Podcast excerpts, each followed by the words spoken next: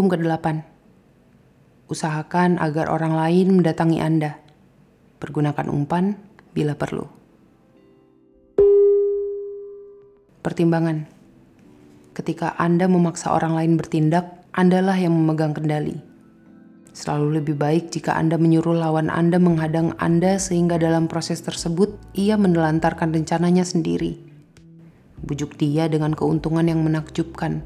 Kemudian serang dia. Andalah yang memegang kartunya. Ketaatan kepada hukum ini. Pada Kongres Wina tahun 1814, penguasa-penguasa utama di Eropa berkumpul untuk membagi-bagikan sisa kerajaan Napoleon yang runtuh. Kota besar itu amat meriah, dan pesta-pesta dansa yang digelar adalah pesta yang paling menakjubkan dalam sejarah. Namun demikian, yang membayangi semua peristiwa itu adalah Napoleon sendiri. Alih-alih dihukum mati atau diasingkan ke tempat terpencil, ia dikirimkan ke Pulau Elba tidak jauh dari pesisir pantai Italia. Bahkan saat di penjara di sebuah pulau, seorang pria yang pemberani dan kreatif seperti Napoleon Bonaparte membuat semua orang gelisah. Pihak Austria berencana membunuhnya di Pulau Elba, tetapi memutuskan bahwa tindakan itu terlalu beresiko. Alexander pertama, Sarusia yang temperamental, memperbesar kegelisahan itu dengan mencak-mencak selama kongres berlangsung ketika sebagian dari Polandia tidak diberikan kepadanya. Hati-hatilah, karena aku akan membebaskan monster itu. Ancamnya. Semua orang tahu bahwa monster yang ia maksudkan adalah Napoleon. Di antara semua negarawan yang berkumpul di Wina, hanya Taliran, mantan menteri luar negeri Napoleon, yang terlihat tenang dan tidak cemas. Rasanya seolah ia sudah mengetahui sesuatu yang tidak diketahui oleh orang lain. Sementara itu, di Pulau Elba, hidup Napoleon bagaikan sandiwara jenaka kegemilangannya di masa lalu. Sebagai Raja Elba, ia telah diizinkan membentuk penghuni istana. Ada seorang koki, seorang pengatur busana, seorang pianis resmi, dan sejumlah abdi istana. Semua ini dirancang untuk mempermalukan Napoleon, dan sepertinya taktik ini berhasil. Namun demikian, musim dingin itu terjadi serangkaian peristiwa yang amat aneh dan dramatis sehingga tampak seperti naskah suatu drama. Elba dikelilingi oleh kapal-kapal perang Inggris dan meriam mereka mencakup semua titik keluar yang ada. Namun demikian, entah bagaimana pada siang bolong tanggal 26 Februari 1815, sebuah kapal dengan 900 orang penumpangnya menjemput Napoleon dan melaut.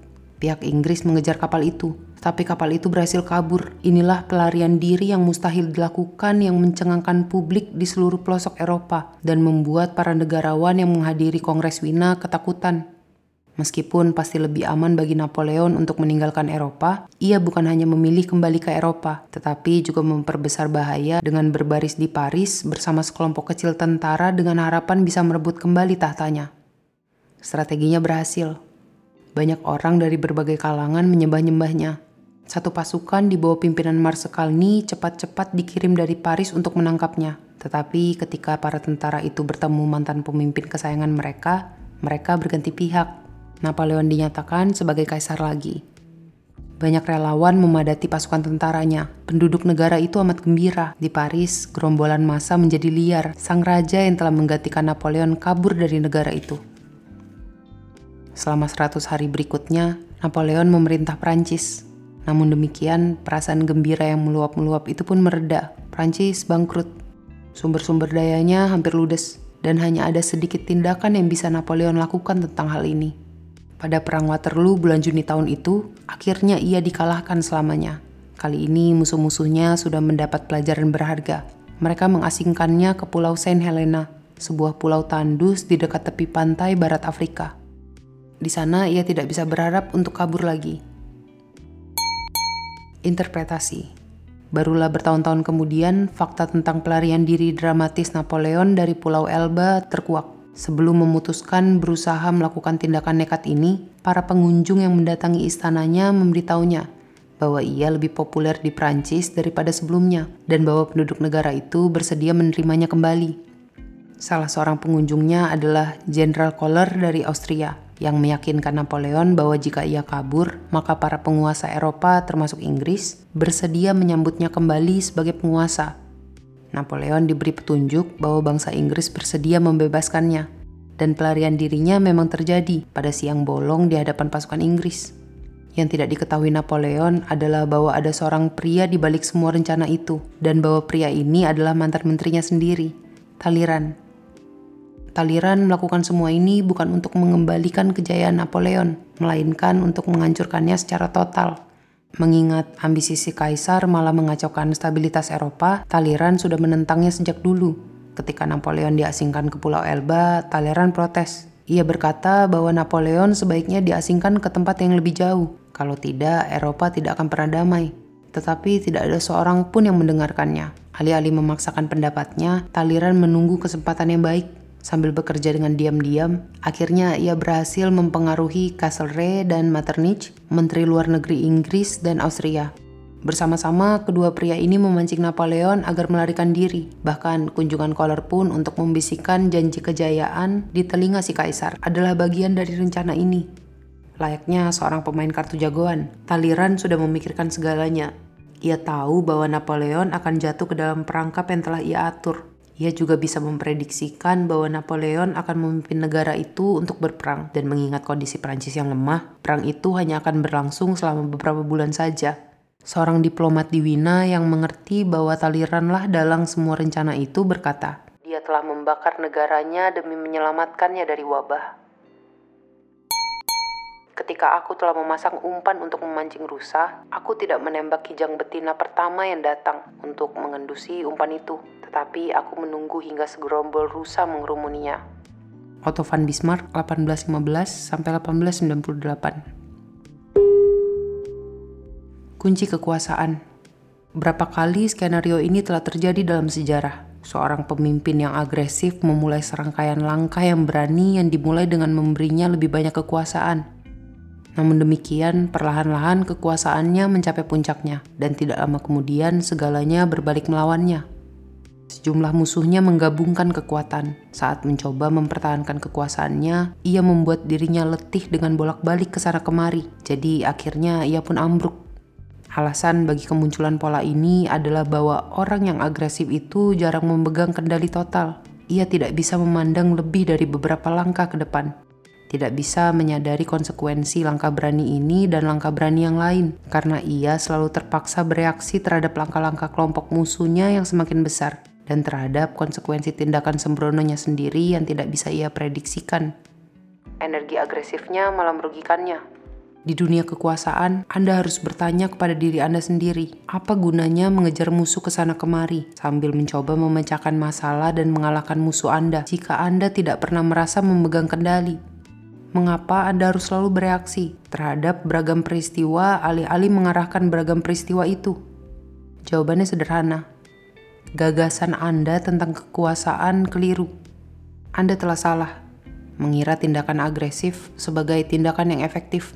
Dan sering kali tindakan yang paling efektif adalah mundur, tetap tenang, dan membiarkan orang lain merasa frustrasi dengan perangkap yang telah Anda pasang bagi mereka bermain demi kekuasaan jangka panjang, alih-alih kemenangan cepat. Ingatlah hal ini, intisari kekuasaan adalah kemampuan untuk mempertahankan inisiatif, membuat orang lain bereaksi terhadap langkah-langkah Anda, menjaga agar lawan Anda dan orang-orang di sekitar Anda mempertahankan diri. Saat Anda membuat orang lain mendatangi Anda, tiba-tiba Andalah orang yang mengendalikan situasi tersebut, dan orang yang memegang kendali memiliki kekuasaan. Ada dua hal yang harus terjadi untuk menempatkan Anda pada posisi ini. Anda sendiri harus belajar menguasai emosi Anda dan jangan pernah dipengaruhi amarah. Namun demikian, sementara itu Anda harus memanfaatkan kecenderungan alami orang lain untuk bereaksi marah saat didesak dan diberi umpan. Pada akhirnya nanti, kemampuan membuat orang lain mendatangi Anda adalah senjata yang jauh lebih dahsyat daripada senjata agresi. Pelajarilah cara taliran pakar seni ini melakukan trik sulit ini. Pertama-tama, ia menaklukkan dorongan untuk mencoba meyakinkan sesama negarawan lain bahwa mereka perlu mengasingkan Napoleon ke tempat yang amat jauh. Sangatlah alami untuk ingin membujuk orang lain dengan cara membela kasus Anda dan menegaskan kehendak Anda dengan kata-kata Anda sendiri. Tetapi sering kali tindakan ini malah merugikan Anda. Sangat sedikit rekan sezaman Taliran yang percaya bahwa Napoleon masih merupakan ancaman Jadi, jika ia menghabiskan banyak energi dengan berusaha meyakinkan mereka, ia hanya akan membuat dirinya tampak konyol. Sebaliknya, ia menahan diri dengan menguasai emosinya. Yang terpenting dari segalanya, ia memasang perangkap yang manis dan tidak bisa ditolak untuk Napoleon. Taliran tahu kelemahan pria itu, ketidaksabarannya, kebutuhannya untuk meraih posisi tertinggi dan disayangi oleh rakyat. Dan ia memanfaatkan semua kelemahan Napoleon ini dengan sempurna Ketika Napoleon mencaplok umpannya, tidak ada bahaya bahwa mungkin ia berhasil dan balas menyerang Taliran, yang lebih mengetahui kondisi miskin Prancis daripada siapa pun juga. Dan bahkan andai Napoleon bisa menanggulangi semua kesulitan ini, kemungkinan kesuksesannya pasti jauh lebih besar andai ia bisa memilih sendiri kapan dan di mana ia bertindak. Dengan memasang perangkap yang tepat, Taliran mengendalikan waktu dan tempat. Kita semua memiliki energi yang terbatas, dan ada kalanya energi kita berada pada puncaknya. Ketika Anda membuat orang lain mendatangi Anda, ia membuat dirinya letih dengan menyia-nyiakan energinya dalam perjalanan itu. Pada tahun 1905, Rusia dan Jepang berperang.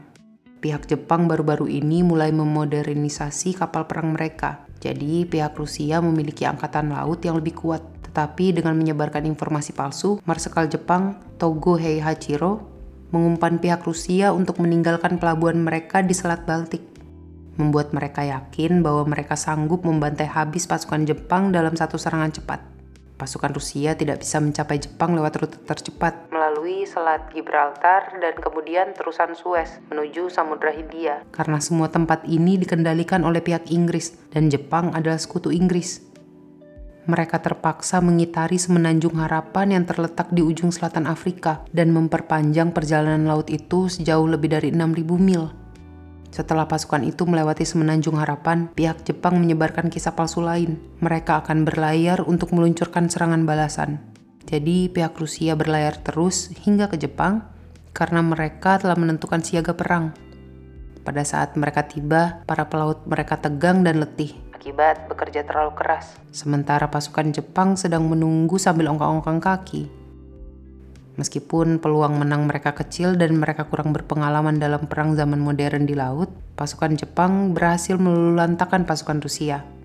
Satu keuntungan tambahan membuat musuh mendatangi Anda, sebagaimana yang diketahui pasukan Jepang dari pasukan Rusia, adalah bahwa tindakan itu memaksa orang lain beroperasi di daerah kekuasaan Anda, Berada di daerah musuh akan membuat orang lain gelisah dan sering kali ia tidak bertindak tergesa-gesa dan melakukan kesalahan.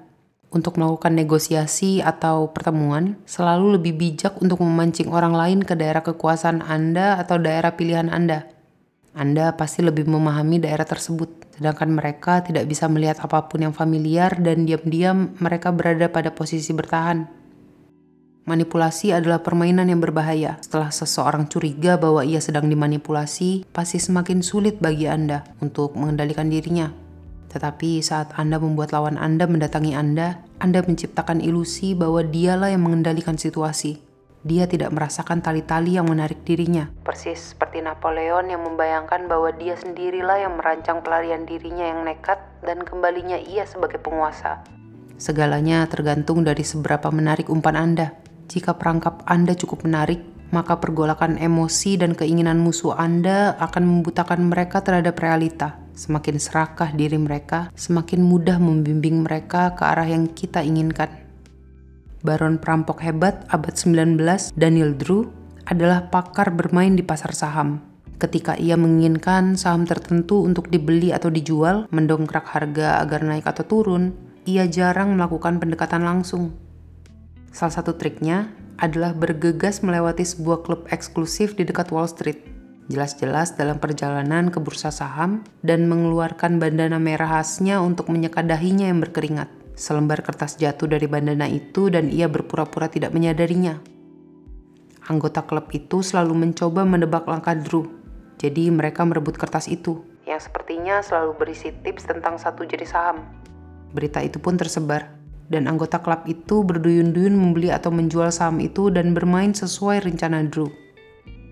Jika Anda bisa membuat orang lain menggali kuburan mereka sendiri, mengapa Anda membuat diri Anda bercucuran keringat? Pencopet memanfaatkan hal ini dengan sempurna. Kunci untuk mencopet adalah mengetahui kantong mana yang berisi dompet. Para pencopet yang berpengalaman sering kali melakukannya di stasiun kereta api atau tempat-tempat lain di mana jelas-jelas dipasang papan yang bertuliskan awas copet. Para pejalan kaki yang melihat papan itu pasti meraba dompet mereka untuk memastikan agar benda itu masih ada di sana. Bagi para pencopet yang mengamati mereka, kejadian ini seperti menembak ikan di sebuah tong. Para pencopet bahkan dikenal sering memasang papan awas copet itu sendiri untuk memastikan kesuksesan mereka. Ketika Anda membuat orang lain mendatangi Anda, kadang lebih baik bagi Anda untuk membiarkan mereka tahu bahwa Anda memaksa mereka mengungkapkan tujuan mereka anda berhenti menipu untuk melakukan manipulasi yang mencolok. Percabangan psikologis taktik ini amat mendalam. Orang yang membuat orang lain mendatanginya tampak berkuasa dan menuntut penghormatan. Filippo Brunelleschi, seniman dan arsitek hebat zaman Renaissance, adalah pelaksana hebat seni yang membuat orang lain mendatanginya sebagai pertanda kekuasaannya.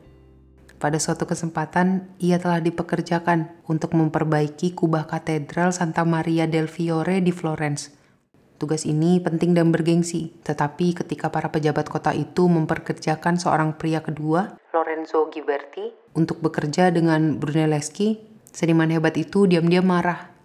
Ia tahu bahwa Ghiberti telah mendapat pekerjaan itu lewat koneksinya dan bahwa ia tidak akan melakukan pekerjaan itu sama sekali, tetapi tetap menerima separuh pujian atas perampungan pekerjaan itu. Karena itu, pada momen kritis pembangunan kubah, Brunelleschi tiba-tiba terserang penyakit misterius ia terpaksa berhenti bekerja. Tetapi ia menerangkan kepada para pejabat kota bahwa mereka telah mempekerjakan Giberti yang seharusnya bisa melanjutkan pekerjaan itu sendiri. Segera menjadi jelaslah bahwa Giberti tidak berguna. Jadi para pejabat itu menemui Brunelleschi dan memohon agar ia merampungkan pekerjaannya. Brunelleschi mengabaikan permintaan mereka dan bersikeras agar Giberti merampungkan proyek itu hingga akhirnya mereka menyadari masalahnya mereka memecat Giberti. Karena suatu mukjizat, Brunelleschi pulih dalam waktu beberapa hari. Ia tidak mencak-mencak atau mempermalukan dirinya sendiri. Ia hanya mempraktikkan seni membuat orang lain mendatangi dirinya. Jika pada suatu ketika Anda menunjukkan bahwa orang lain harus mendatangi Anda karena tindakan itu bermartabat dan Anda berhasil melakukannya, mereka akan terus melakukannya bahkan setelah Anda berhenti mengusahakannya. Perangkap beruang madu. Si pemburu beruang tidak mengejar mangsanya. Seekor beruang yang tahu bahwa ia sedang diburu hampir mustahil ditangkap dan pasti bersikap bengis jika dipojokkan. Sebaliknya, si pemburu memasang perangkap yang diolesi madu. Ia tidak membuat dirinya letih dan tidak mengambil resiko kehilangan nyawanya dalam mengejar si beruang. Ia memasak umpan, kemudian menunggu. Otoritas Para kesatria yang baik membuat orang lain mendatangi mereka dan tidak mendatangi orang lain. Inilah prinsip kekosongan dan kepenuhan orang lain dan diri sendiri. Ketika Anda memancing lawan untuk mendatangi Anda, maka kekuatan mereka selalu kosong. Asalkan Anda tidak mendatangi mereka, kekuatan Anda pasti selalu penuh. Menyerang kekosongan dengan kepenuhan sama seperti melempari telur dengan batu. Zhang Yu komentator di Art of War abad 11. Pembalikan hukum Meskipun pada dasarnya merupakan kebijakan yang lebih bijaksana untuk membuat orang lain letih dan mengejar Anda, ada kasus-kasus yang berlawanan di mana menyerang secara mendadak dan agresif kepada musuh amat mengacaukan musuh sehingga energinya berkurang drastis. Alih-alih membuat orang lain mendatangi Anda, Andalah yang mendatangi mereka memaksakan persoalan itu, dan memegang tampuk kepemimpinan. Serangan cepat bisa menjadi senjata yang menakjubkan karena serangan cepat memaksa orang lain bereaksi tanpa ada waktu untuk berpikir atau membuat rencana. Tanpa ada waktu berpikir, orang lain pasti salah menilai dan bertahan. Taktik ini adalah kebalikan taktik menunggu dan memasang umpan, tetapi memiliki fungsi yang sama. Anda membuat musuh Anda merespon terhadap keinginan Anda, Orang-orang seperti Cesare Borgia dan Napoleon menggunakan elemen serangan cepat yang sama untuk mengintimidasi dan mengendalikan orang lain. Langkah cepat yang tidak diduga sebelumnya menakutkan dan mengacaukan pikiran orang lain. Anda harus memilih taktik Anda tergantung dari situasi yang Anda hadapi. Jika Anda punya waktu yang cukup dan Anda tahu bahwa Anda dan musuh Anda setidaknya memiliki kekuatan yang sepadan, maka kurangi kekuatan mereka dengan membuat mereka mendatangi Anda Jika Anda tidak punya waktu, musuh Anda lebih lemah dan menunggu hanya akan memberi mereka peluang untuk memulihkan diri. Jangan berikan peluang semacam itu kepada mereka. Seranglah dengan cepat, maka mereka tidak bisa lari ke mana-mana. Sebagaimana yang dikatakan oleh petinju Joe Louis. Dia bisa kabur, tetapi tidak bisa bersembunyi dariku. Nah, kita udah sampai di akhir hukum ke-8. Seperti biasa, terima kasih sudah mendengarkan. Semoga bermanfaat. Jangan lupa beli buku originalnya. Saya Justin, selamat malam, pagi, siang, atau sore.